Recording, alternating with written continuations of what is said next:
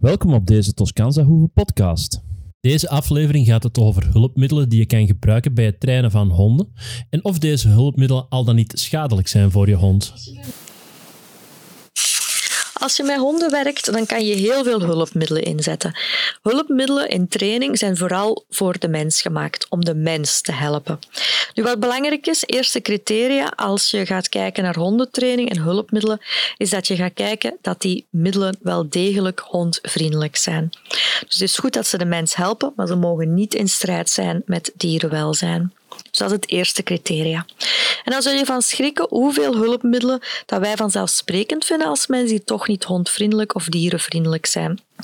Denk bijvoorbeeld aan een gentle leader of een easy walker of een halti, wordt het ook wel eens allemaal genoemd, waarbij je dus zo'n lus rond de neus bindt en waar je dus aan uh, je leiband aan kan hangen.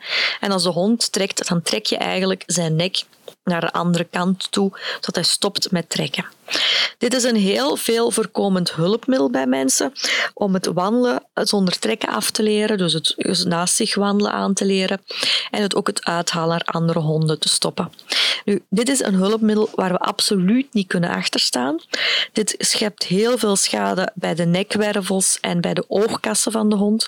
En bovendien uh, leert de hond niet echt iets. Hij vermijdt gewoon de pijn. Of sommige honden vermijden het niet en gaan door en doen zichzelf enorm veel pijn met blijvende schade die je bij de fysio of de osteopaat voor terecht komt uiteindelijk. Dus opnieuw, hulpmiddelen zijn niet altijd zo vriendelijk. Ook al staat er een leuke foto op met een hond die zijn duim omhoog steekt met te zeggen van gentle leader. Er is niks gentle aan een gentle leader voor de hond. Zijn standpunt dan. Bovendien is het een constante correctie. Je zou zeggen, ja, als een hond niet trekt, dan corrigeert hem zich nog niet. Hm, fout, want het bandje ligt eigenlijk constant te rusten op de neus. En dit is hetzelfde als een neusbeet voor honden. Neusbeet is een correctie dat honden bij elkaar toepassen. En dat wordt je eigenlijk dus gesymboliseerd, of dat wordt eigenlijk nagebootst door die gentle, tussen haakjes, leader of halti. Dan gaan we kijken naar een ander hulpmiddel dat ik langs de andere kant. Hè, dus je hebt hulpmiddelen die negatief zijn, maar je hebt ook hulpmiddelen die positief werken, die je kan gebruiken als een beloning voor je hond. En dan kijk ik bijvoorbeeld naar de pre-dummy. Wat is een pre-dummy? Pre-dummy is zelfs een pennenzak. En daar is een rits aan en een velcro-sluiting. Dus je hebt een dubbele sluiting. Je hebt er ook een lintje aan dat je een leiband of een extra touw kan aanmaken, zodat je een heel lang ja, touw eraan kan maken, zodat je met de pre-dummy kan bewegen op afstand. Nu, de pre-dummy, voor wat gebruiken we dat als hulpmiddel? Je kan daarmee honden beter leren apporteren. Dus honden die het moeilijk vinden om te, aan te leren om te apporteren. Of honden die een uitdaging willen, kan je de pre-dummy voor verstoppen.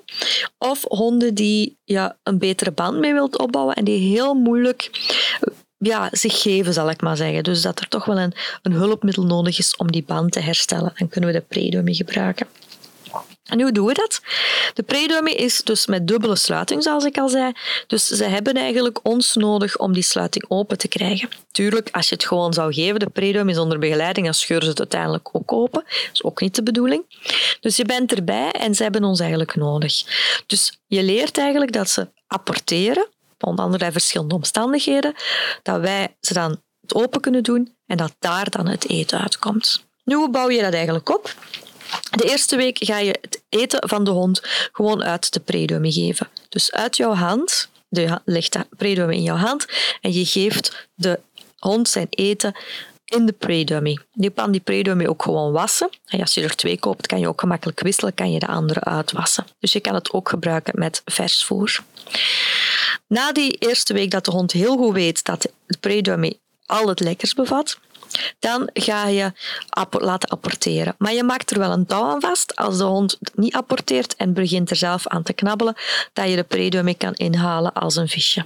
Zolang de hond niet apporteert, krijgt hij geen eten. En geloof me vrij, honden kunnen echt wel een paar dagen zonder eten. Maar je probeert het gewoon op verschillende momenten van de dag. En ja, hij gaat dat heel snel doorhebben. Dus die paar dagen ga je echt niet nodig hebben. Dat betekent dat het dus een samenwerking is. Hij apporteert, jij doet het zakje open, hij krijgt zijn eten. Dus een hele mooie samenwerking, heel goede versteviging van jullie band. Daarna ga je de predummy kunnen verstoppen en ga je dus speuren bij introduceren. Het hond moet speuren naar de predummy. Als ze het vindt, apporteren en dan heb je weer die samenwerking. En zo kan je van een predummy echt wel een feest en een echt positief hulpmiddel ma maken. Dus opnieuw, wil je een hulpmiddel inzetten? Kijk dan heel goed vanuit het oogpunt van de hond of het een echt hulpmiddel is dat diervriendelijk is voor de hond. Als dat niet zo is, zoek dan een alternatief. Heel veel succes met jullie training.